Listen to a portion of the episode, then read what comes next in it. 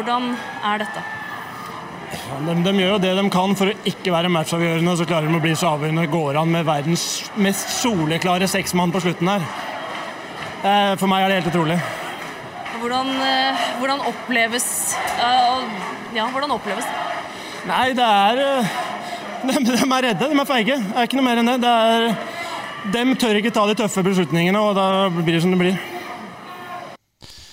Ja, det var Robin Dahlstrøm det, etter finale fem på Hamar i sesongen vi skal snakke om, men den kommer vi tilbake til. Grunnen til vi åpna med det klippet her, Bendik, det er at det blir vel litt snakk om dommere i, denne utgaven av Puckpodden? Det er stor fare for at det blir litt dommerprat her. Ja, nei, det var jo en finaleserie som var litt småtam, følte man kanskje. I spill og kvalitet og egentlig mye. Men allikevel så ble sebraene vanvittig mye um, omtalt. Og det kulminerte jo i at den ene trakk seg, og man fikk inn en annen Storhamar-dommer. Det var det, var, det skulle være lokale dommere, og Fredrik Søderstrøm var forbanna, og supportere var forbanna, og Frisk tror jeg var ganske fornøyde. og ja, nei, det var et vanvittig rør hele veien i finaleserien der, så dit kommer vi.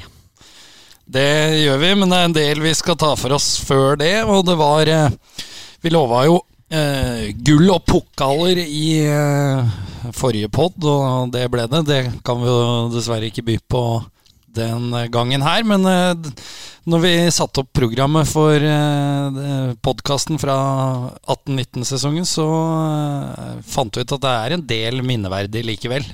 Ja, det er absolutt det. Det er Vi skal gjennom Return of the King tilbake på Hovet i Stockholm. Vi skal ha en straffehattrick fra den hjemvendte sønn. Vi skal snakke om da seriegullet glapp hjemme mot uh, Vålerenga uh, over nyttår, og det er masse ting. Det begynner jo allerede på sommeren med noe som skal bite Storhamar i halen.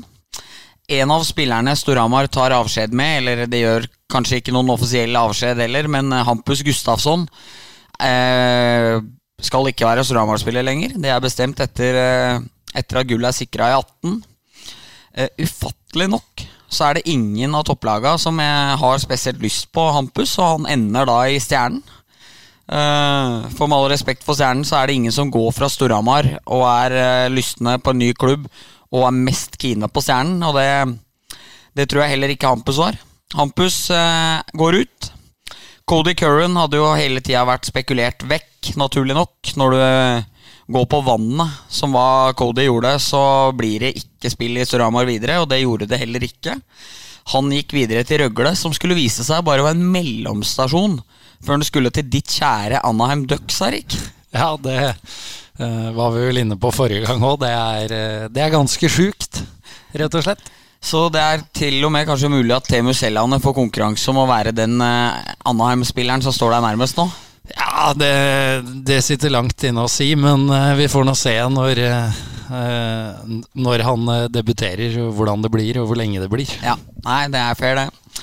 Kenny Morrison, som jeg glemte å nevne tidlig nok i forrige pod for noen. Så nå, er han, nå nevnes han på 0350. Han eh, forsvant. Han eh, hadde store skadeproblemer, men var nyttig i sluttspillet. Likevel var han og Sramar enige om at det var best å gå videre. Mikkel Søgaard gikk tilbake til Sparta. Det husker jeg var noe jeg ikke var spesielt eh, fan av. Jeg syns Mikkel hadde hatt to gode sesonger i Sramar. Vært eh, skadefri og fått eh, spilt mye. Var bra, veldig bra i sluttspillet.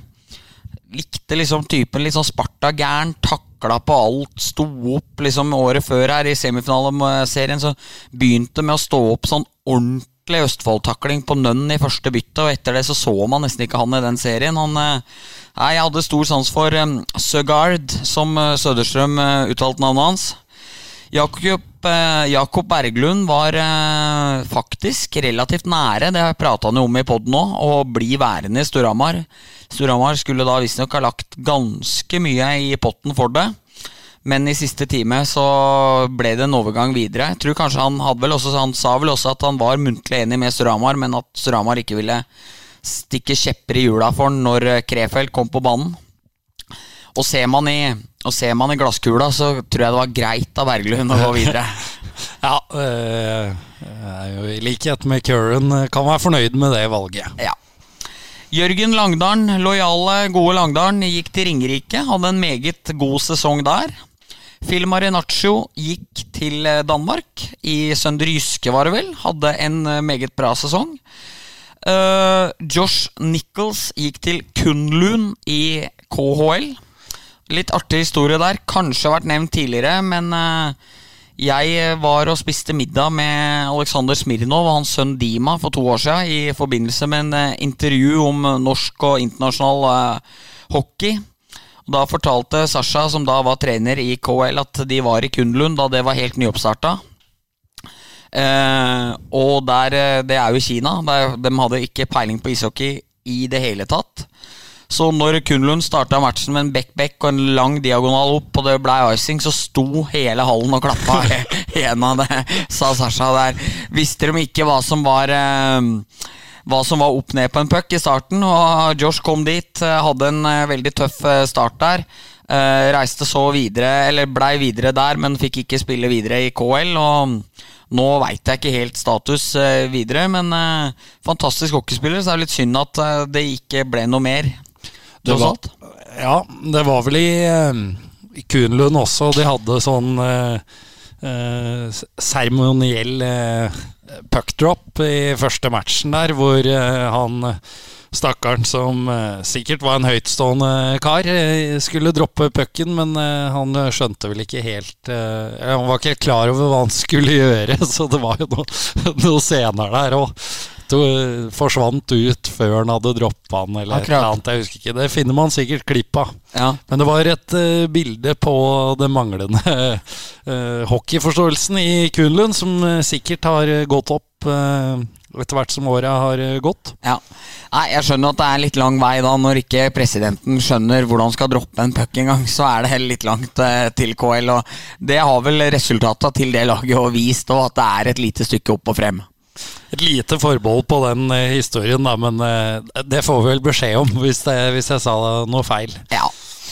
Og så langt så har det vel bare vært overganger som egentlig har vært eh, forventa. Emil Frøse òg gikk tilbake til eh, Manglerud Star. Eh, hadde jo heller ikke i, I likhet med Langdalen og Marinaccio så nøt ikke han veldig mye tillit etter hvert i sesongen, og det var vel greit å rusle videre for å få en større posisjon i et lag der man fikk det.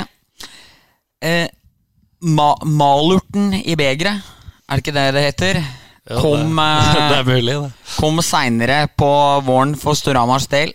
Eirik Skastammen hadde varsla at han eh, ville fortsette et år til. Jeg tror Skas eh, var veldig forberedt på at kanskje ikke Storhamar ønska det.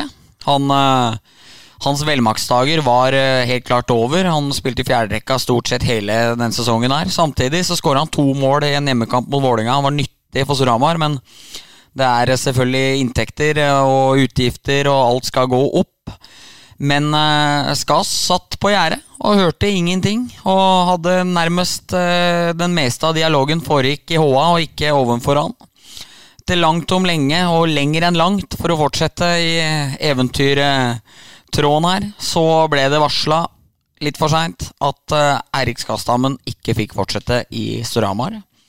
Uh, supporterne var ikke fornøyd med behandlingen av uh, hvordan det foregikk. Jeg var oppe hos Patrick Thoresen, og dette Vi tar det med en gang nå.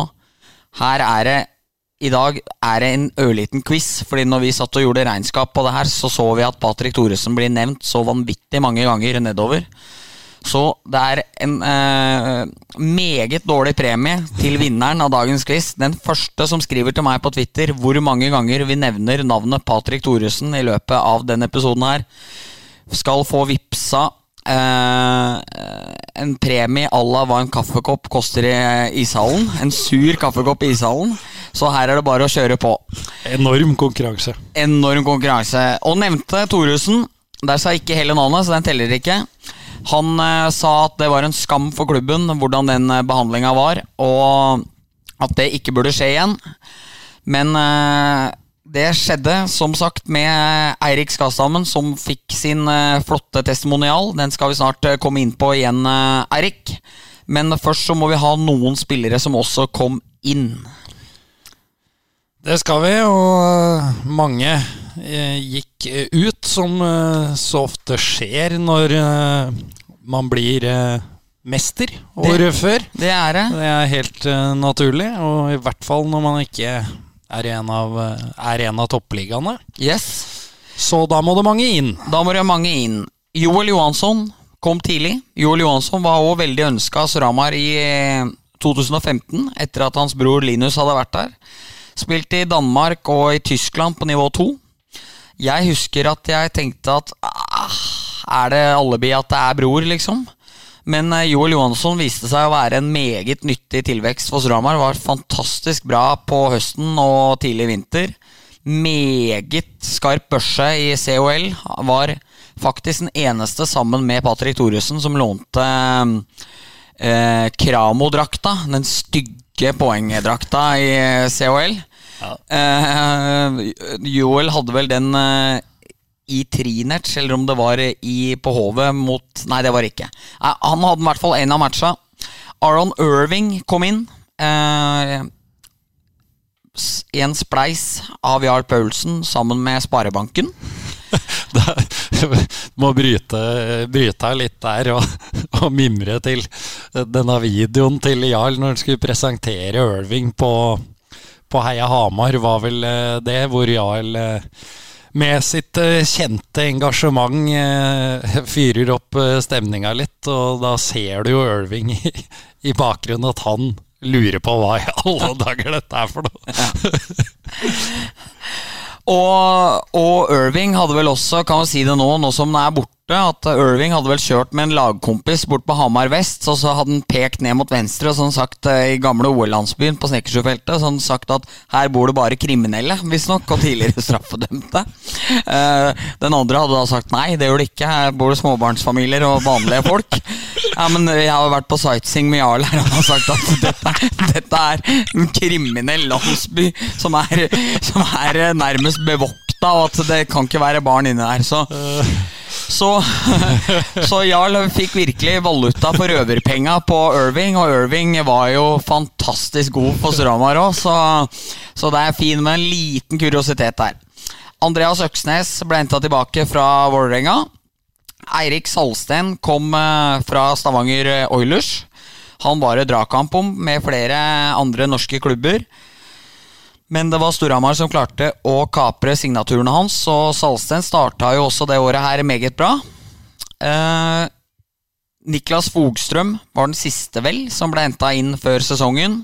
Kom da fra SHL-kontrakt i Ferjestad, men jeg tror det var flere som stilte seg litt spørsmålstegn ved eh, hvorfor Storhamar skulle bruke enda en utlendingsplass på en spiller som mest sannsynlig ikke var eh, produkt, så produktiv. Ja, og så må vi vel ha inn eh, Jens Jacobs i miksen også, men Yes. det var muligens litt seinere. Han, eh, han er på tapetet. For Jens Jacobs hadde også blitt henta tidligere denne sommeren. Eh, broren til Jeff, eh, poengkonge gjennom tiden i Allsvenskan, men var veldig på hell, eh, godeste Jacobs. Han ble jo ikke all verden i de klubbene han har vært i etterkant heller. Eh, dessverre. Eh, for eh, hadde Storhamar fått han i primetimen, så tror jeg de kunne fått eh, mange mange skåringer. Men eh, det var dessverre ikke all verden igjen av det som den spilleren som en gang herja rundt i Allsvenska, nå faktisk er COL-mester med Luleå. Men eh, der vi snakka i forrige episode om at Patrick Thoresen ble henta inn for å sette en kultur høsten 2017-2018, før han reiste videre til St. Petersburg, så var kapteinen tilbake med hud og hår det året her. Eh, helt fantastisk bra. Helt utrolig viktig som den eh, bærebjelka han var. Og han hadde heller ikke produsert så vanvittig gode tall. Eh, eller gode tall, gode tall. Han hadde så vidt over poenget sitt da før han ro i 2017-2018, men eh, det skulle virkelig bli løfta det året her. Så det er vel den eh, stallen eh, Storhamar går inn til sesongen med. Disse har forsvunnet, og disse har kommet inn. Det er eh, fantastisk oppsummert, det, Bendik. Takk for det. Du er flink. Vi skal jo snakke litt om preseason, men usikker på om du ønsker å ta for deg testimonialkampen til legenden Eirik Skastammen først. Jeg, jeg tror vi gjør det. Vi kliner til med den. Det var eh, 24. i 8. Så var det Ska som skulle hylles. Team eh, Skogen. Grønne og brune drakter. Og jeg må si eh, Kanskje ikke de smekreste draktene.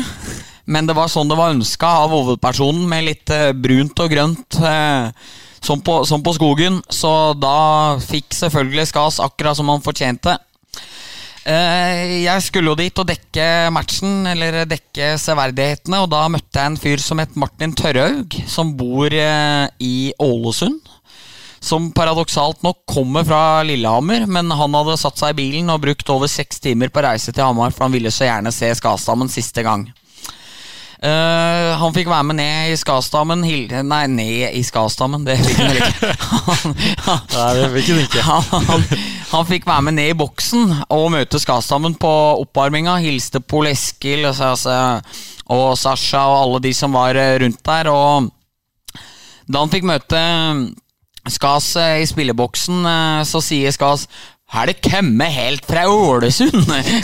sier han liksom med sin kjente måte. Og han eh, Tørhaug hilste og syntes jo det her var veldig eh, stas. Så det var også veldig gøy med Skas, fordi han sier sjøl at dette er helt sjukt. Det er morsomt at jeg har gjort så mye for noen at de velger å reise så langt. Det er bare å takke, for det setter jeg stor pris på.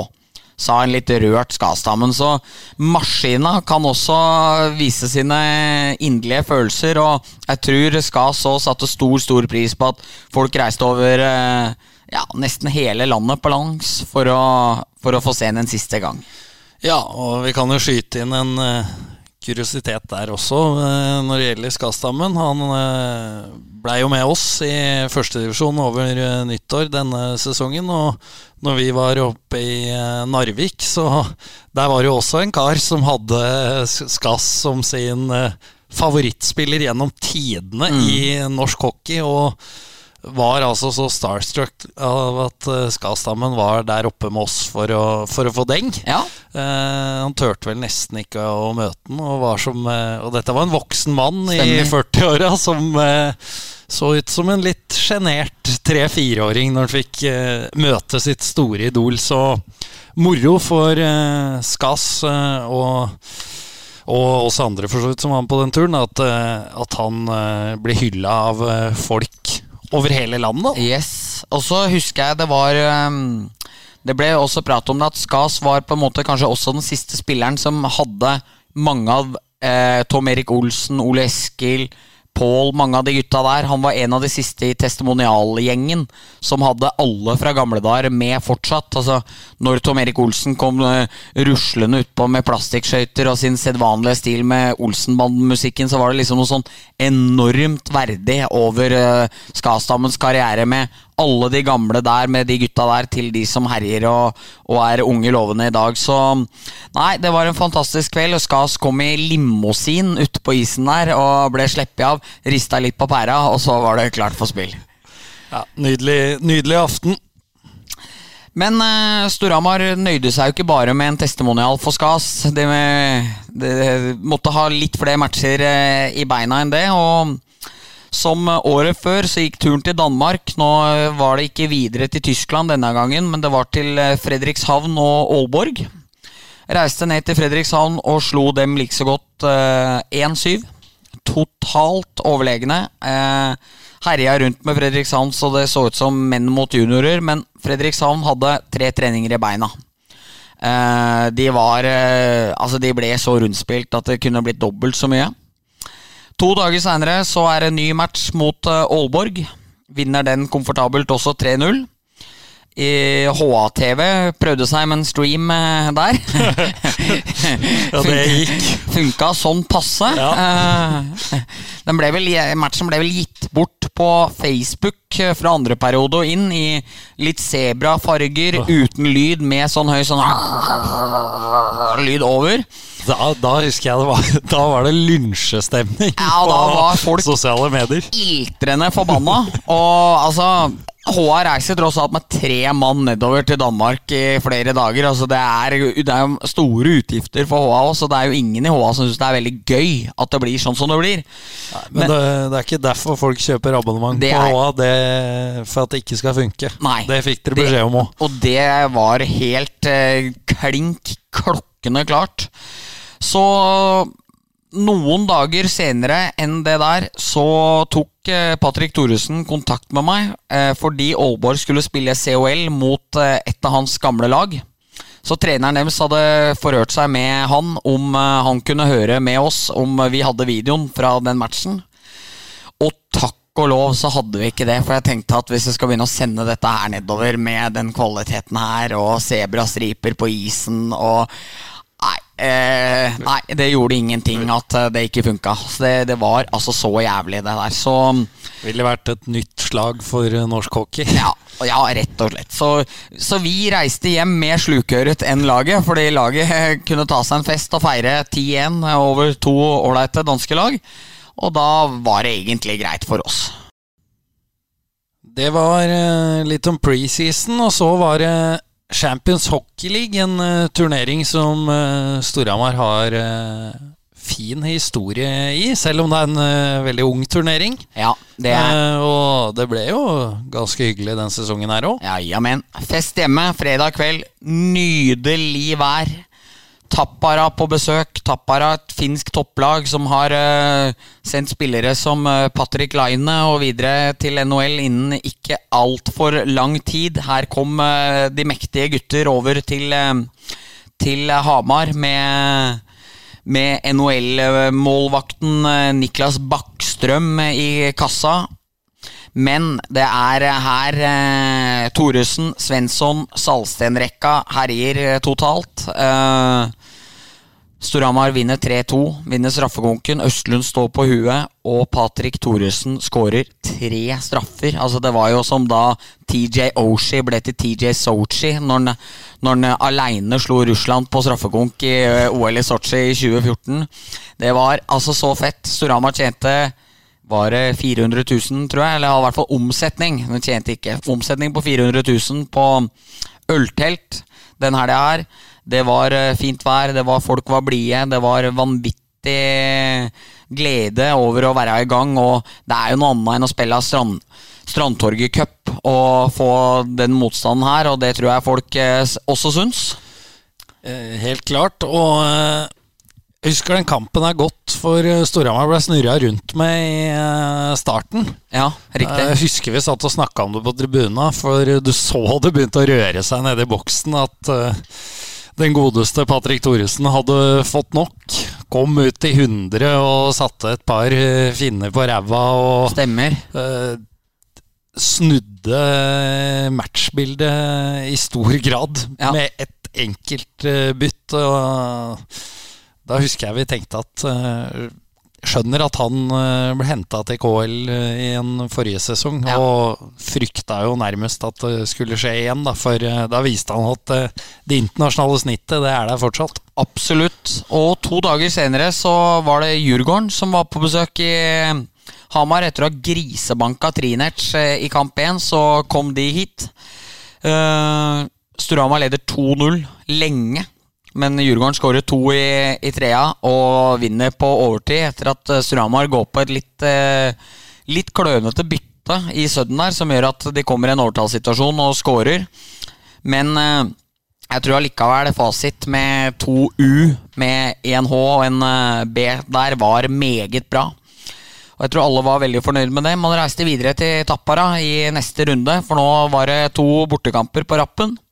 Taper 6-1 i Finland. Får regelrett svinehjuling, og det er vel ca. så stor forskjellen er på laga, vil jeg egentlig tørre å påstå. To dager senere igjen er det storinnrykk i Johannes Hov, vegg i vegg med Globen i eh, Stockholm.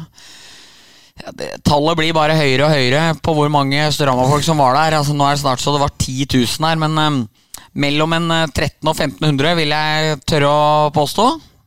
som var i den ene sida der, og helt magisk oppmøte. Storhamar eh, taper kampen 5-2, men selvfølgelig kampens første scoring. Det er en backhand som bror Steffen legger inn på mål. Uh, nei, et skudd som bror Steffen legger inn på mål. Patrick driver inn. Patrick uh, dundrer pucken i mål og kan juble opp mot Storhamar-fansen. Et veldig ikonisk bilde når han jubler med én hånd opp mot sine egne i hallen der han er så utrolig populær. Det blir som sagt 5-2. Storhamar er eh, nummeret for små, men eh, allikevel så er det jo i nærheten. Altså, det er jo på smaker med Djurgården, men, eh, men, det holder ikke. Og da ser det egentlig nesten umulig ut med, med avansement. Nå må absolutt alt gå inn, eh, både sine egne resultater og så er det avhengig av andre resultater for å komme videre. Fire av fire resultater nå må gå inn. Ja, og det kommer vi tilbake til, for eh, det var tid for seriestart hjemme mot eh, Stavanger Oilers. Muligheter for å sette skapet på plass eh, umiddelbart. Det gjorde man jo spillemessig, men ikke resultatmessig. Nei, det gjorde man virkelig ikke. Det Surama vant skuddstatistikken 42-15. Var egentlig overlegne i det meste som skjedde, men Storhamar skåra ikke før det var igjen eh, nesten eh, ti minutter av kampen. Og da var det Mikael Settegren som eh, putta. Eh, det var jo da reduseringen, og Storhamar tapte. Husker Sødersjøm var grinte og litt irritert på måten Stavanger spilte på. Den måten Stavanger spilte på her, skulle nok kanskje koste dem dyrt mot Storhamar etter hvert i sesongen, fordi de prøvde ikke å spille hockey i det hele tatt. De stilte opp i felle i midten og så egentlig og venta på Storhamar eh, sine feil og lyktes eh, fantastisk bra med det. Og Storhamar gikk sure og tomme for ideer og tapte 2-1 eh, foran eh, Foran 4823 tilskuere. Så det var liksom antiklimaksets antiklimaks og en litt klassisk Storhamar serieåpning på hjemmebane i løpet av eh, den nyere æraen. Har ofte gått på det der kjipe blemmene der de ikke skårer mål i første match. Ja, det eh, blei jo et par eh, oppgjør mot Vålerenga også, vel, i CC Amfi, som ikke har gått som de skal i serieåpning. Jepp. Men Storhamar kommer seg raskt opp igjen. De slår Lillehammer 3-2 borte. Eh, Sander Wold Engebråtens første match, som er oppe og flipper litt og er iskald her. Så det var gøy for alle som eh, venta på en ny, ung stjerne igjen. Slår Vålerenga 5-4 hjemme. Patrick Thoresen skårer i tre mot fem. Jubler på knærne etterpå og viser en sånn gnist som jeg aldri syns man så året før. Altså Her var det sånn følelse av at, at nå, nå, er han hjemme for godt, liksom. Altså Kasta seg ned der og jubla, og du så liksom det store smilet gjennom skjegget. Eh, sinnssyk kamp. Det er vel Joel Johansson som avgjør på Sudden. Det tror jeg stemmer. Og det er ikke ofte du ser skåring i, i tre mot fem eh, for laget som er i undertall. Nei, det har skjedd. Uh, vår eminente Storhamar-historiker Lars Nikolaisen hadde vel tre tilfeller eller hva det var de siste 30 åra, eller noe. Og det var vel over ti år siden det hadde skjedd. Så, og da var det nede i Stjernehallen. Så nei, det var fantastisk fett. Det var um, kan også skyte inn litt sånn for artighets skyld at det var andre gang jeg var på date med min eh, nåværende kjæreste Camilla. Da gikk vi på hockeykampen, og, og hun spurte om Pål Johnsen fortsatt spilte. Måtte jeg si at eh, nei, det er noen år sia. Og da sa hun at ok, for det var han som alltid likte å spille med den gullhjelmen. Altså han som alltid hadde med seg gullhjelm. Så jeg, da måtte jeg fortelle premissene for hvordan gullhjelmen deles ut til folk. At det var ikke bare å ta på den fordi du ville, men uh, den har du gjort deg fortjent til. Det er riktig. Så det, det var eh, det. Så slås Ramar MS 9-3 hjemme, og det virker veldig som at alt er i gang. Det kan skyte inn der òg. Det husker jeg var en forferdelig kjedelig match. Og ja. det er ganske utrolig å si når det blir tolv skåringer. Litt sånn eh, litt det. Ja. Men så en, og en annen vane, for det er noen mønstre, at Storama ryker 2-1 hjemme mot Stjernen. Eh, et problem her er at eh, Patrick Thoresen ikke gjør poeng, og da vinner nesten ikke det laget her kamper i løpet av denne sesongen her. Eirik Børresen går inn og limer ei straffe. Det har ikke han gjort altfor mye siden han var G14-G15. Så stort for Børris å få rusle inn og sette ei straffe på strand der. Og Jens Jakob la vel òg ei straffe han ikke var 100% heldig med, men jeg husker jeg. Ja, og da husker jeg eh, Her hadde jo begynt å ulme litt rundt uh, Jacobs Ja. eh, blant supporterne. Eh, man var ikke kjempefornøyd eh, med han. Eh, Søderstrøm gjorde mange, mange forsøk på å Få i gang. få i gang eh, Jacobs. Og eh, den straffekonken der var kanskje det beste bildet på det, for da ender altså Jacobs med å vispe pucken ned i rundvannet, og jeg lurer på om han tryna også. Ja. For så å få ny tillit når det er én og én Ja, straffe. Og eh, det var jo et bedre forsøk, men det ble jo ikke scoring da heller. Og da husker jeg folk var forferda på tribunen og at han fikk ny mulighet. Det Begynte å bre seg litt da, ja. Men eh, det blir en eh, seier, 1-3 i Stavanger. Og Storhamar har vel også ryket mot Sparta, mener jeg husker, i løpet av eh, den korte perioden her. Men de vinner 3-1 i Stavanger, der brødrene Thoresen begge kommer i søkelyset. Der Steffen blir utvist for sparing foran mål. Bror kommer inn med en med kølla, med den øverste hånda på kølla og slår Burlon i ansiktet. Vi kan argumentere for at han slår han og ikke krysstakleren, som eh, han eh, ble beskyldt for å gjøre. Men eh, han fikk sine kamper. Steffen fikk vel færre kamper. Så da husker jeg Steffen var oppe og tvitra eh, noe sånn gladgreie om at jeg tar straffen, eller, eller hva det var for noe. Men i forkant av den matchen her så har Storhamar vært i trinets. Slått dem i den supermoderne, flotte hallen som har arrangert både VM og yngres eh, eh, yngre, Nei, yngre VM. eh, J20-VM var vel der i fjor.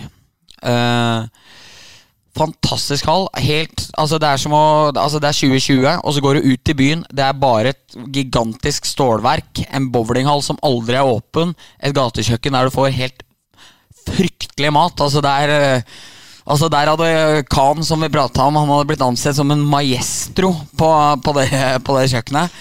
Eh, men Storhamar slår dem, samtidig som de får det resultatet de trenger mellom eh, Djurgården og Tappara, som gjør at eh, håpet lever før den siste kampen mot, eh, mot eh, Trinerts. Og det er når, når vi er i Stav... Nei. Når vi er i Trinerts, eh, brødrene får eh, sin straff. Eh, og da er det jo hjem igjen fra Trinerts, hjem fra den deilige hallen, ned til Ringerike. Skårer ikke mål på 60 minutter før Dahlstrøm skårer kampens eneste på Sudden. Storhamar er mye, mye bedre i Trinerts, så der får Patrick Thoresen lov til å spille igjen. Da vinner de 6-2 der. Da er Steffen nå helt magisk god. Og Storhamar tar seg da videre pga. at i Finland så får eh, Djurgården eh, juling, vel, med juniorlaget sitt, som gjør at dem ryker ut. De taper alt de trenger på en måte for å slippe å gå videre i turneringa, men Storhamar gjør jobben sin. Og da blir det klart at Storhamar får ikke veldig sexy Skellefteå hvis man tenker på reise. Men uh, Skellefteå er da det som trekkes opp av COL-hatten. Eh, sitter på som Gryffindor på Harry Potter, så får Søderstrøm en Skellefteå-hatt tredd over hodet. Eh, Storhamar ja. Skellefteå Du kan, du kan eh, Du er så flink til å male bilder for lytterne, Bendik. Takk for det. Se for deg at alle liksom, COL-toppene sitter foran foran hele skolen der. Foran valghatten. Foran valghattene, og så Fredrik Sutterstrøm, og så må han opp foran alle der, og så Og så, ja Skellefteå for you. Og så, ja, nei, så det blir Skellefteå på dem. Ja, det blir det. Etter og Da er det fortsatt veldig ujevn i serien. Ligger under 4-1 mot Skellefteå, men da møter de jo også et utrolig bra lag. Altså Det er Joakim Lindstrøm og Mattis Olimp. Mattis Olimb, Oskar Møller, eh, Pudas. Altså Da møter de store, store europastjerner. Ligger under 4-1, men eh, i løpet av en eh, kort periode så henter Storhamar opp eh, 4-1 til 4-4. Det er jo da Patrick Thoresen får stå upressa i ti sekunder og vente inn eh, Jens Jacobs i eh, Slottet. Venter, venter, venter, helt til alle fra Skellefteå har gjort så mye feil de kan.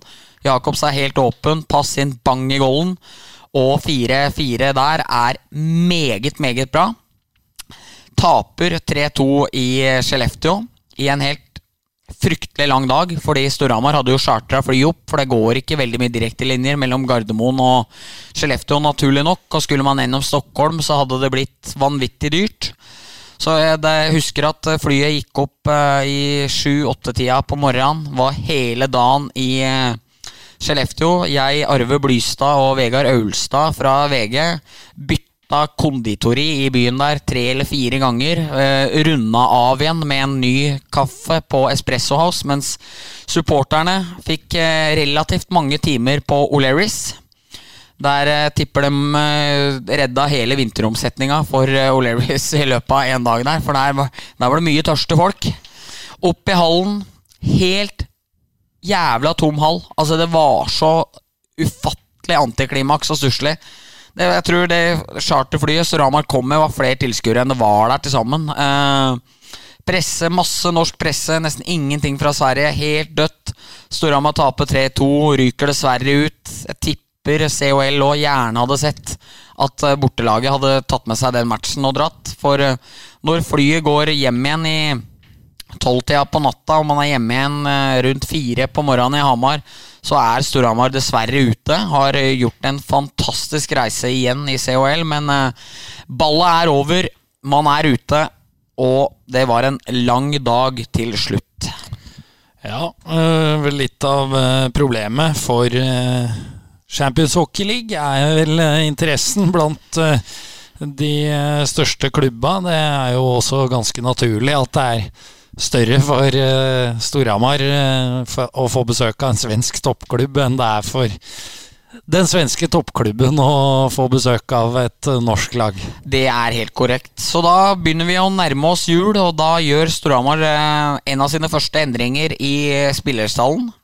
Uh, Jens Jakob, som vi har nevnt, uh, går ut av laget. Uh, først kommer Kurt Davies inn for å forsterke en allerede sterk backbesetning. Altså, dette er en av de sterkeste backbesetningene Storhamar kanskje har hatt noen gang. Det hadde Davies, Irving, Joel Johansson, Christian Bull, som alle holder skyhøyt eh, Gateliga-nivå. Eh, så det var han. Men problemet var, eh, selv om de knuste Frisk i jula og slo Sparta og dro med seg seks poeng der, så ble det bråstopp mot Vålinga i den litt tidlige seriefinalen. Uh, Brede Cissar skårer sånn lompeskudd fra en meter innafor blå, som ellers gode Østlund normalt redder 99 av 100 ganger. Det er 2-0 til Vålerenga. Strava kommer tilbake en to ganger av Irving. Men det er litt for få spillere som produserer poeng. Og før Storhamar skal til Stavanger, en kamp de egentlig må vinne for å beholde muligheten på topp to, så kommer Troy Josephs inn. Og det, han er egentlig ikke så mange som veit så mye om. Men min gode venn eh, Shayan Sahedi, som følger Pittsburgh Penguins eh, tett, og har gjort det i en årrekke, sender melding til meg eh, om at eh, Troy Josephs, eh, som nå skal komme inn, er en fantastisk målskårer. Rask på spanna og akkurat det Surama trenger. Og det beviser han virkelig å være, fordi han skårer i debuten. Får fart på Christian Larivé gjør at Storhamar nå endelig har to konstellasjoner som eh, kan eh, skåre. Storhamar eh, slår Oilers 3-1, gjør veien klar mot andreplassen, og da er det Da går de inn i sluttspillet. Jeg føler litt, Erik, at selv om de er nummer to bak Vålinga, så har Vålinga den superrekka med Alholm og Røymark og Lindstrøm som føles ut som at Storhamar kanskje har én streng mer å spille på, og dem har spilt 3-24 minutter i matchen, alle sammen. Og at selv om Storhamar ble nummer to i serien, så i hvert fall jeg følte at de var favoritter allikevel. da. Ja, det tror jeg det var eh, flere som kjente på, inkludert uh, undertegnede. Så. Og inkludert kanskje noen på laget selv òg, som vi kommer tilbake til litt uh, senere. Det gjør vi. Da var det i hvert fall endelig klart for uh, vårens vakreste eventyr, sluttspillet. Åpna med kvartfinaler eh, mot Stjernen. Det skulle vise seg å bli en uh, grei affære til slutt, men uh, Eh, første match der, eh, 2-1 eh, hjemme. Tommy Johansen helt enorm i eh, stjernemålet. Det ble altså avgjort i sjette periode. Eh, Jeg og Dima kommenterte jo den eh, kampen. Du var der for eh, HA, og jeg tror eh, Jeg snakker for alle som var inne i hallen og sier at eh, når det er lag fra Østfold på besøk, og det, og det begynner å dra ut såpass, og det blir periode fem og seks, så, så får du en litt eh, dårlig følelse. Ja, absolutt. Jeg begynte å se for meg en ny elleveperioders eh, match her, men eh, forskjellen i den kampen til den her var jo at da bølga spillet frem og tilbake, og det føltes farlig jevnt og trutt. Her var det akkurat som om Storhamar hadde position helt til de skårte, og Stjernen var utrolig bra på tette igjen. Tommy Johansen på det 87. skuddet så slipper han inn sitt andre for kvelden. Eh, sto en helt sinnssyk kamp. Eh, men det føltes ut som at det var noe som ikke var helt riktig i Suramar. At eh, Hva er dette her for noe, liksom? Men eh, det skulle man ikke føle særlig lenge, Fordi to dager senere så blir det elleve goller eh, bak duoen Johansen og Nygren.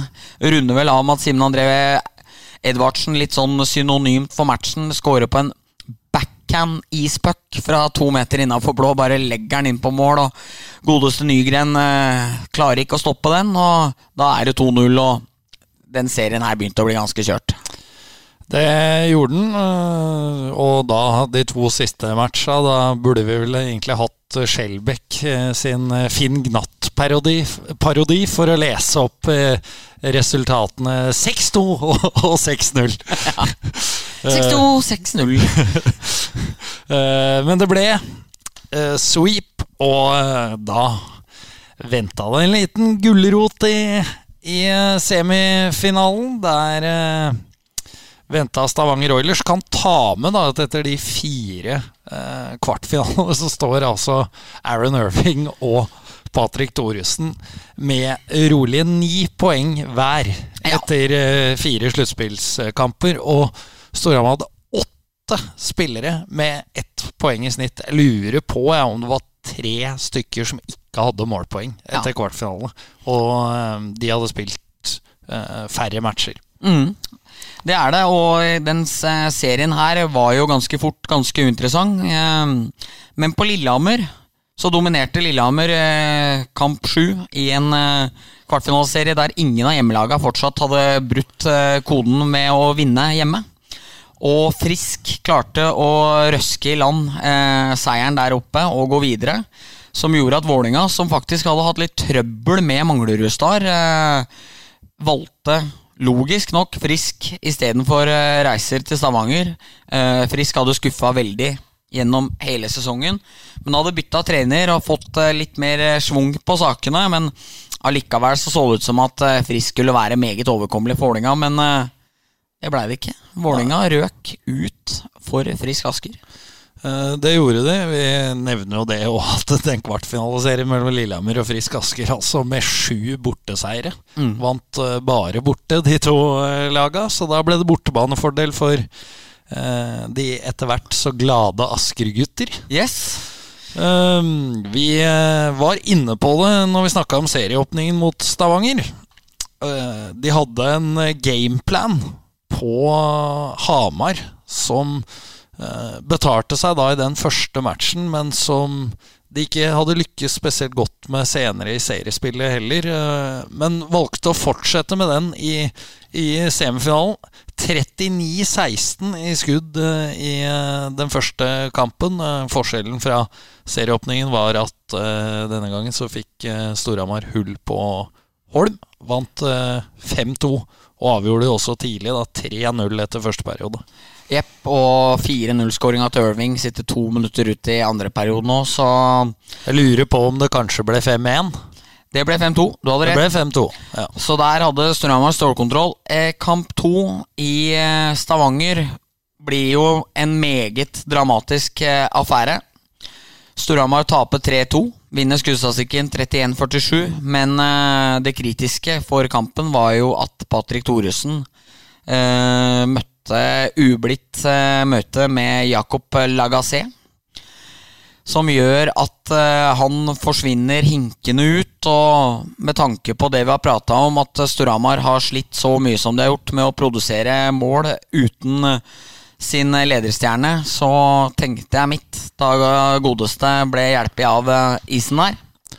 Dette var jo en match som Det viser hvorfor hockey er verdens uh, feteste sport.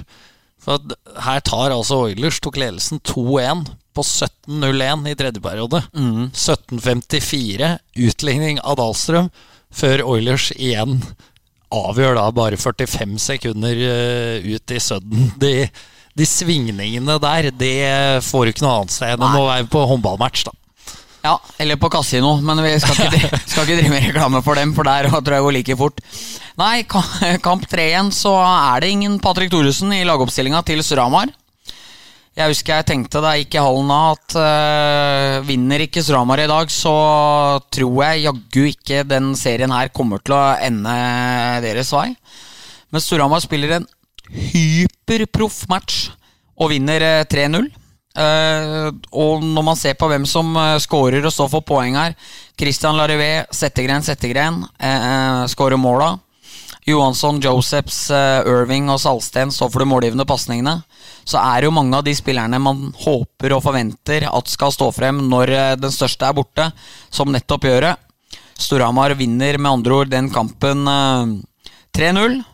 Men det er vanskelig å spille i Stavanger, og så var også tilfellet denne gangen.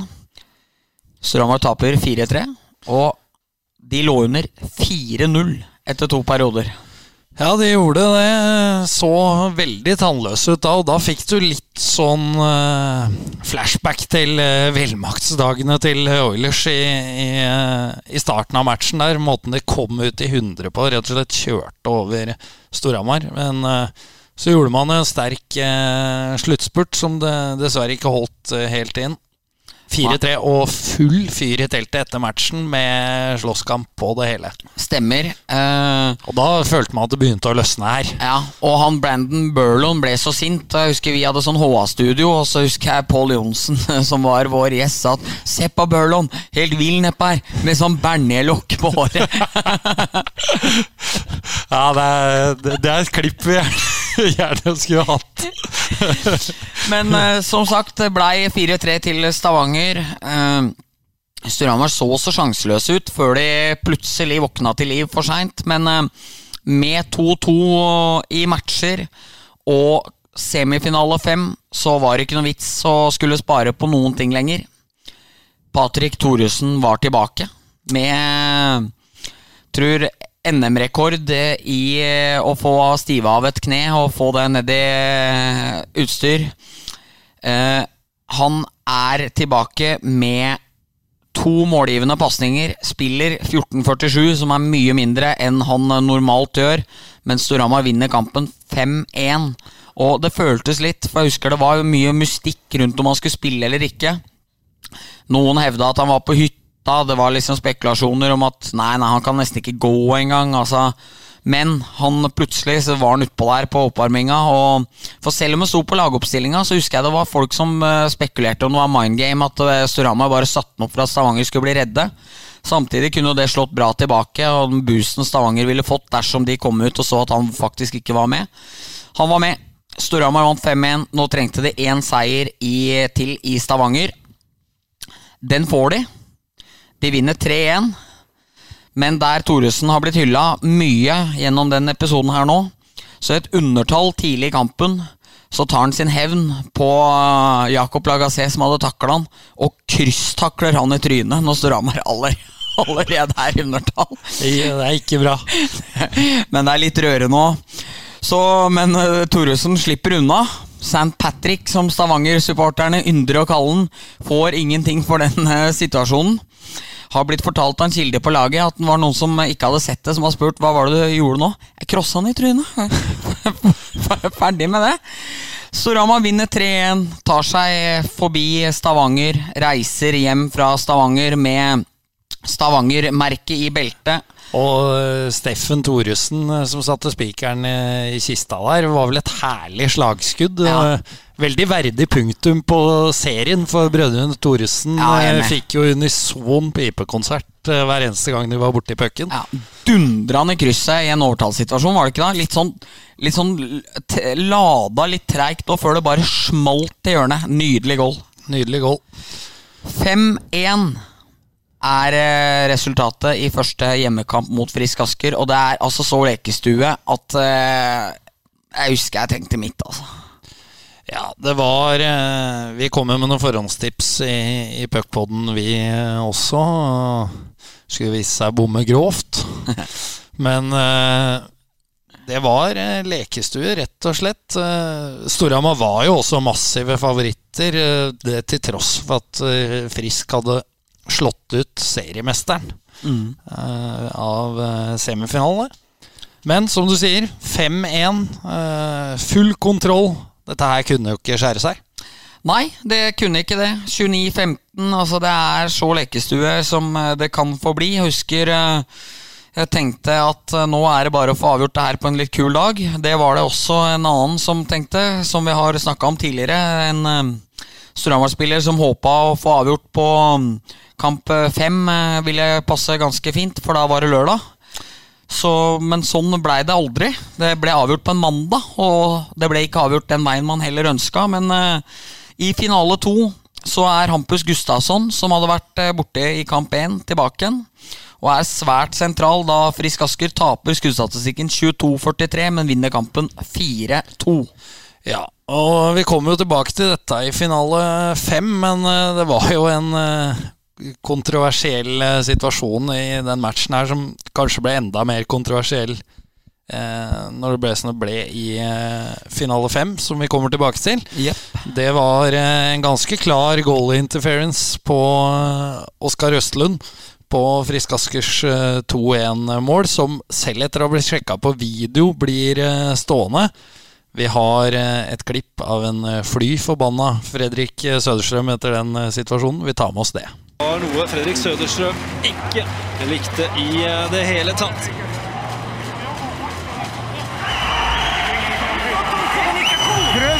Hei, hei, hei! Prøv å snakke rolig nå, så skal jeg svare. Hva er det du lurer på? Hva er det? Ja, nå skal jeg fortelle deg hva som skjer. Settegren Hei! Nå må du høre, da! Settegren har en høy kølle. Den har jeg på armen. Så er det mål. Vi mener det er mål på isen. Går inn og sjekker for goal interference. Det ser vi ikke på video. Da er det fortsatt mål. Da bytter Settegren med han som sitter fra før. Ja, det Når du ser bildene igjen nå, Bendik, så er det ganske utrolig at uh, McCall uh, sier til Søderstrøm at de sjekker for goal interference, og ikke ser det. For eh, det er vel Granholm som kjører Østlund rett eh, ned på ryggen. Østlund blir eh, liggende, og så scorer Frisk på et eh, distanseskudd eh, i sekvensen etter, med Østlund fortsatt eh, sittende på rumpa. Så skulle vel ikke vært godkjent, den. Den eh, skulle nok, selv med våre øyer, eh, helst ikke ha vært godkjent. Og det kan nok være at dommerne i sånn eh, det der blei i etterkant og helst skulle sett at de gjorde det annerledes. At det hadde vært lettere å forsvart den omdiskuterte annulleringa som kommer i kamp fem, som er helt korrekt ut ifra regelverket. Men spørsmålet er om ikke det regelverket ikke ble tolket riktig i den matchen her, men heller litt på, på skjønn. I hvert fall Surama taper 4-2. Jeg tror man føler at uh, har grei kontroll på denne serien her uansett. Men i uh, match tre så vinner Suramar skudda 49-18, men det er Frisk som vinner kampen 1-0. Det er det. Her eh, har jeg også plukka ut et annet øyeblikk som Som jeg føler blir litt definerende for hele finaleserien. Uh, Larivé gir Storhamar ledelsen i uh, første periode. Uh, en to mot én med Eirik Salsten. En helt fryktelig pasning av Eirik Salsten.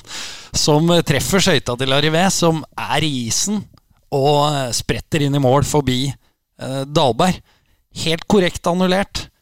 Eh, for dette er den ene sesongen hvor det var en regel om at alle skøyteskåringer skulle annulleres. Eh, sesongen før, sesongen etter og den dag i dag så har du lov å sette skøyta i isen og vinkle eh, en styring i, i mål. Eh, men det var ikke lov denne sesongen her. Eh, eh, man, eh, sånn spekulering om hva som kunne ha vært og blitt, det er jo egentlig idiotisk. Men eh, Dahlberg gikk på vannet den eh, kampen her, og med 1-0 i hekken etter sju-åtte minutter, eh, som det vel eh, var, så, så hadde ikke han uh, fått den følelsen uh, han hadde underveis i matchen der, tror jeg. Nei, og når man ser også på den matchen her at uh, Storhamar sine backer, Aron Irving, skyter ti skudd. Uh, Christian Bull skyter fem skudd på mål. Uh, Så du har 15 skudd på mål på to bekker der. og Kurt Davis har sju, så 22 bekkskudd Så skjønner du at uh, Frisk var ganske gode til å bokse inn og la Suramar få skyte mye fra ute, og så håndterte uh, Dahlberg det veldig ålreit, men uh, No, noe av det råeste jeg har sett av Ja, en eh, keeper i en enkeltmatch. Sykt keeperspill. Og ja, han var jo et mare for Suramar hele den serien her, men i kamp to måtte han eh, kapitulere fem ganger, for der vinner Storhamar 5-1. Eh, vinner skudda kun 35-29. Altså, det er i banespill en eh, jevnere match enn hva det har vært. Eh, Patrick Thoresen, Robin Dahlstrøm, Christian Larivé, Christian Larivé og Mikael Dokken skårer måla for eh, Storhamar. Petter Kristiansen skårer eh, Askers eh, mål. 2-2 i matcher. Fått ordentlig hull på Dalberg. Lørdag kveld hjemme. Finale fem. Nå var det liksom litt grinete og sånne ting. Det har vært mye utestillinger. Frisk hadde fått en del i den matchen her. Nå begynte man eh, å liksom tenke at eh, på mandagen, da var det mandag i påsken, nå skulle det bli avgjort, men da måtte Frisk slås hjemme av lørdagen her først. Ja, har en liten uh, tilståelse der når det kommer til uh, jinxing.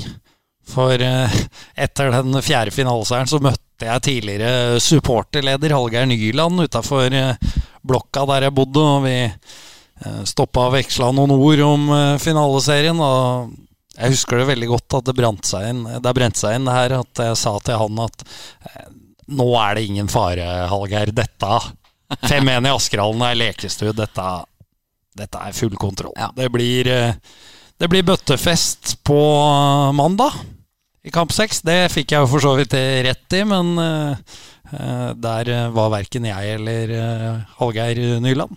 Så til alle der ute, jeg, tar den. Jeg beklager. Ja, det er nok ikke bare du, Erik, som må ta den der. Det var Hovmod sto for fall. For i kamp fem så er det en kamp som er så spekka for så mye rart. For det, er, det, var plutselig ikke utvisninger. Det var, ingenting var utvisninger. Det var uh, i løpet av de tre periodene med spill, med intensivt spill, med masse holdinger, eh, slashing uh, eh, ultradestruktivt spill, så er det to tominuttere til begge lag. Uh, og det er litt synonymt, fordi på 2-2, eh, med tiden 18.05, altså når det er en 1 minutt og 55 av tredjeperioden, så får Christian Kåsastul en utvisning for slashing. Eh, helt på tampen av kampen så er eh, Troy Josephs så å si aleine. Men Sean McMonagall, den italienske italiensk-kanadiske straffeekspert-bekken Litt sånn deilig pointer, litt treg på jerna og sånn, men bare sånn nydelig med pucken på blå og hadde litt hender og det var deilig å se på. Han eh, henger som et slips rundt Josephs. Altså det er den absolutt klareste uh, utvisninga jeg har sett i mitt liv. Roy Stian Hansen, som er dommeren som er nærmest i sona, du ser det på han at han Uh, vurderer veldig å dømme utvisning. Men så tror jeg at dommerne kanskje tenker at de ikke ønsker å ta hovedrollen og dømme enda en utvisning til laget som allerede har en. Slipper den. Josephs eh, blir nekta scoring av Dahlberg. Med andre ord så skal Frist starte fem sekunder i ø, rent undertall før det blir eh, likt antall spill igjen.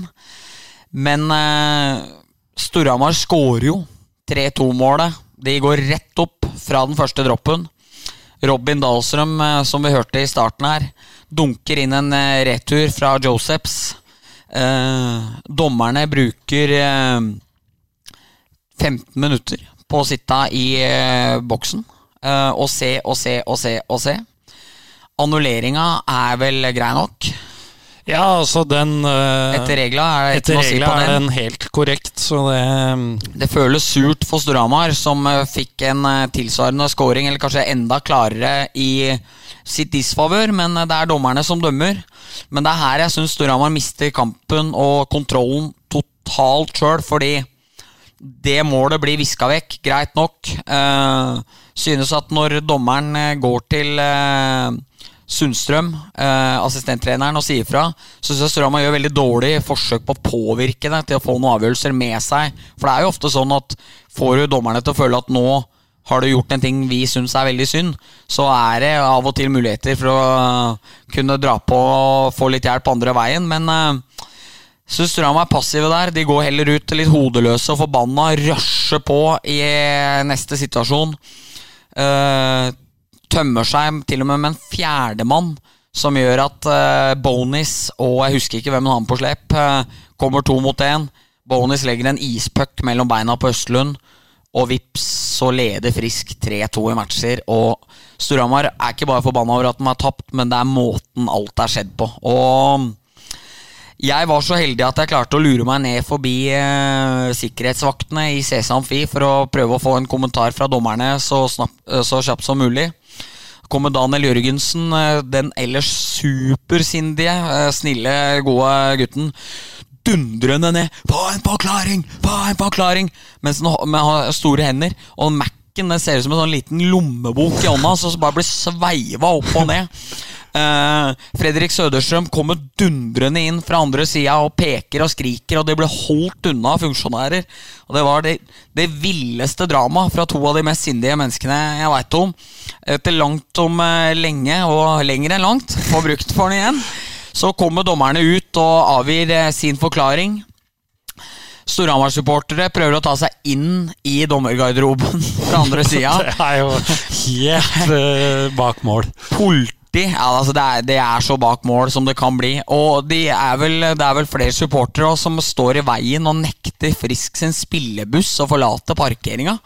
Frisk har ikke gjort så mye mer annet galt enn å vinne. altså at eh, Storhamar-supporterne syns dommerne er dårlige. Det er på en måte ikke Frisk sin skyld, men Frisk må vel òg ha politieskort på vei ut av byen. For eh, det brenner for folk i Hamar denne lørdagskvelden eh, her. Storhamar, eh, som sagt, taper matchen. Det er 3-2. Eh, ja, nå ser det vanskelig ut, Erik. Ja, det, det gjør det. Eh, Vi sa det jo i stad, det er jo ingen tvil om at eh, per regel, så selv om Dahlberg aldri hadde redda goalen til Dahlstrøm, for å bli ikke forstyrra i den grad, så er det kontakt. Så en helt riktig annullering. En annen ting som ble gjenstand for debatt, var jo det at Frisk Asker var seks mann på isen når de avgjorde. Selv om det hadde ingenting å si for den skåringa. Det var jo bare et litt juksing i byttet som man ser 100 ganger hver eneste kamp. Så eh, det, det ble nok uh, Dahlstrøm nevnte jo det i intervjuet vi spilte også. Eh, per regel, ja, det skulle vært seks mann, men det hadde ingen betydning for, eh, for utfallet av den kontringa for eh, Bastiansen og Bonis, eh, hvis det var de to som kom to mot én. Eh, de var allerede på isen, i hvert fall. Ja. Så det er jo summen av det hele som føles frustrerende for, eh, for Storhamar, fordi eh, nå er det finale seks. Og da er Larivé og Patrick Thoresen eh, usikre til kampen. Eh, Patrick Thoresen klarer ikke å spille. Det er eh, strekk i magen som gjør at det til slutt er helt umulig bare å løfte på armen. Og med attpåtil et kne som eh, han har slitt veldig veldig mye med for å holde det i spill, så reiser Storhamar til eh, Asker med svært svekka lag. For Martin Rønhild glemte vi å nevne tidligere her. Han ble suspendert resten av sluttspillet etter en etter en tøff og kanskje litt hodeløs takling på Christian Kåsastul, der han hadde rennafart fra egen sone og hoppa inn i en, eh, i kortvante opp mot Storhamar-supporterne, så gjorde Rønhild noe meget stort. Han sto i klakken i kamp fem. Han sto sammen med fansen og heia på Storhamar. Og ingen var mer skuffa enn han da, da Storhamar tapte den matchen. Men eh, så det er jo mange spillere som er borte. Joel Johansson nå, som hadde vært strålende. Han starter finale fem, men går av. Så eh, jeg føler at spillermateriellet begynte å bli nesten fordel frisk når eh, man kom til finale seks. Allikevel så er Storhamar klart bedre enn frisk i den matchen i banespill. Vinner skudda 21-38, men det hjelper jo så lite. Ja, Dahlberg skulle drive Sil-guttene til vanvidd den uh, siste gang den uh, sesongen. Vi satt var vi i HA-studio Yes. på den matchen her.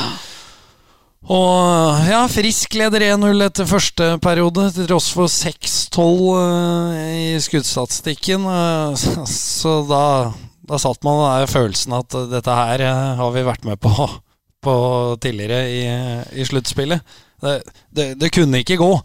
Men likevel, Josephs utligner eh, før Frisk igjen tar ledelsen på en eh, eh, en pasning fra Bull som blir eh, tatt ned innafor. Skaper en, eh, en to mot én med Hampus Gustafsson og Sebastian Johansen. Eh, og så er Frisk tilbake i ledelsen egentlig uten å gjøre noe som helst. I en periode Storhamar dominerer så totalt som de gjør. Storhamar får vel også to annullerte skåringer òg i løpet av eh, den eh, perioden der. Riktig, Riktige sådan.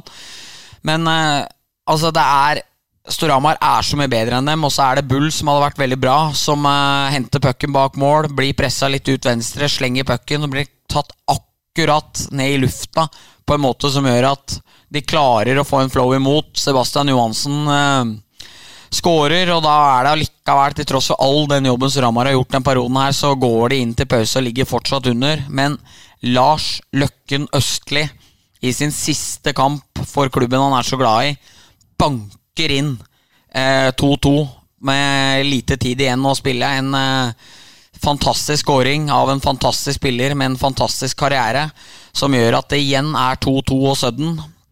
Men på tiden 60 blank så gjør Aaron Irving noe helt idiotisk. Han gir Anders Bastiansen en kjempemulighet til å spille på Storhamar en to minutter.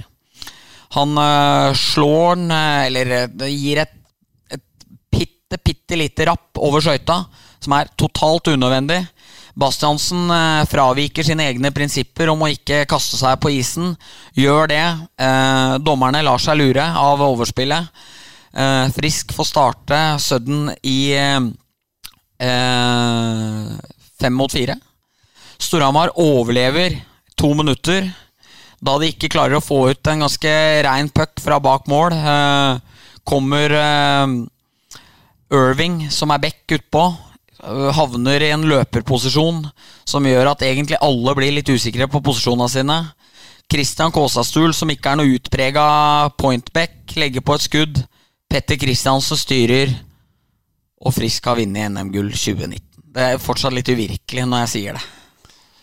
Ja, og eh, en annen ting jeg tenkte på når vi forberedte oss til det her, det er jo at historien eh, gjentar seg eh, på en måte. Da tenker jeg på 2008-finalene, hvor Storhamar som stor underdog, eh, både basert på resultater i seriespill og, og ikke minst kampbildene, avgjorde i kamp 6 til 3-2.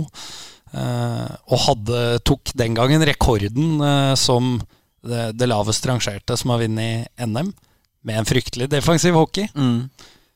Rollene snudd uh, i eh, 2019. Uh, og Frisk tar over rekorden, blir altså norgesmester etter å ha blitt nummer fem Ja. i serien.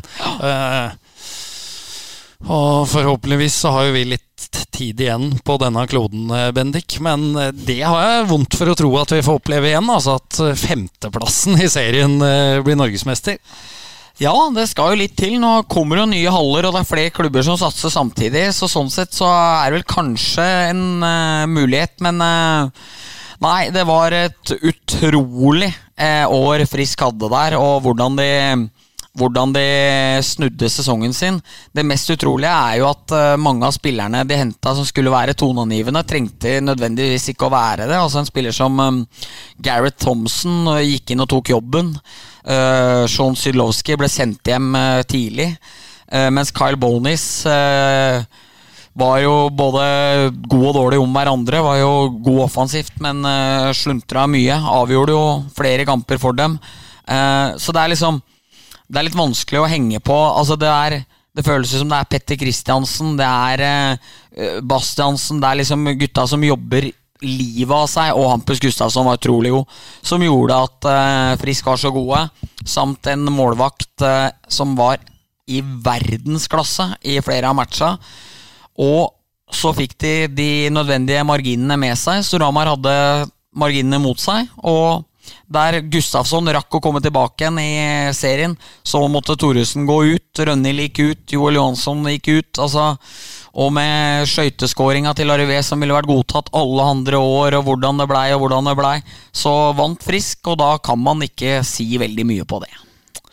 Det kan man ikke si, og det er jo sånn i hockeyen. Det er best av sju, så når du da klarer å vinne de fire matcha, så så er det fortjent. Og det er ingen, ingen som uh, sier noe på heller. Og jeg husker en uh, litt uh, skuffa Kurt Davis uh, tvitra 'Should have been playing Final Seven now', eller et eller annet sånt. Onsdagen etter så svarer Vidar Wold med 'Sorry, we're busy', med et lagbilde av at gutta sitter og skjenker på, på i kafeteriaen i Asker der. Så det er herlig lite stikk der. Så nei, grattis til Frisk for det gullet der.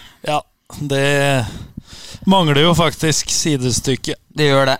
Uh, en ting jeg har tenkt på, jeg tror vi tok det opp med, i podkasten, for Søderstrøm var jo med oss i studio, var vel dagen etter uh, dette her. Uh, men jeg tar det opp med deg uansett, siden du er hockeyeksperten her, Bendik. Takk, takk. Vi prata om det før matchen. Eh, tilnærminga til eh, Storhamar før eh, denne finale seks. Nå hadde man brent seg et par ganger, riktignok dominert stort, men kun vunnet to av fem. Og man hadde latt Frisk spille på sine styrker. Storhamar styrte matcha. Burde man dratt til Askerhallen og vært litt mer passive i den kamp seks? For med fasit i hånd så endte man jo igjen opp med å dominere matchen og tape til slutt. Ja, samtidig så var det en veldig merkelig inngang til matchen, fordi Roy Stian Hansen trakk seg jo, dommeren, Hamar-gutten. Fordi han hadde opplevd hets mot seg og sin familie, noe som er så langt unna ok som det er mulig å komme, og som er rett og slett flaut for Suramar og de menneskene som har gjort det. Altså Det er så pinlig og dumt. Så klarte ble det vel litt sånn at Fredrik Søderstrøm følte at mye av den kritikken var retta mot han, og at det var hans skyld at eh, ting blei som det blei. Så det ble så mye leven og styr opp mot det der. Med Thoresen usikker, eh, han med på benken, Larivé usikker. Eh, så tror jeg nesten at hele oppladninga var veldig Det var veldig lite spesifikt på hvordan Suramar skulle spille. Samtidig så produserer Suramar mye større sjanser enn i den kampen her. altså den kampen her tippa jeg du kunne spilt 100 ganger, og Frisk hadde vunnet én eller to. Og akkurat den dagen der var den dagen der. Som Søderstrøm også sa i den poden som vi prata om, det er vel episode 20 eller hva det er, at det skal ikke gå. Uansett hva vi gjør, så kommer ikke det her til å gå. Så nei, jeg veit ikke, men uh, Strøm hadde mista så mye spillere også, på vei der, så folk måtte jo ta andre roller. Og Fogstrøm var jo oppe som andresenter og spilte Powerplay. Og, så jeg vet ikke om Strømmer hadde lag til å spille på en annen måte. De gikk jo på mye færre folk også i den matchen her, men uh, dette blir jo bare spekulasjoner nå. Det blir det, for uh, fasiten den har vi. Frisk blei uh, norgesmestere. I, de er jo fortsatt regjerende norgesmestere. Det er de. Uh, dessverre så ble det jo ikke noe sluttspill i år. Dette var vår uh, siste retropod. Nå begynner å nærme seg litt god gammalstemning, Bendik. Med vanlige podder, røvere, kaktuser og tulipaner. Ja, ja, ja. Og noe vanvittig viktige gjester som er booka inn. Kan ikke avsløre noen ting. Vil ikke være en sånn type pod som driver og frister med hva som kommer langt foran og, og holder på, men her kommer det noe Altså, det er noe av det ypperste vi har.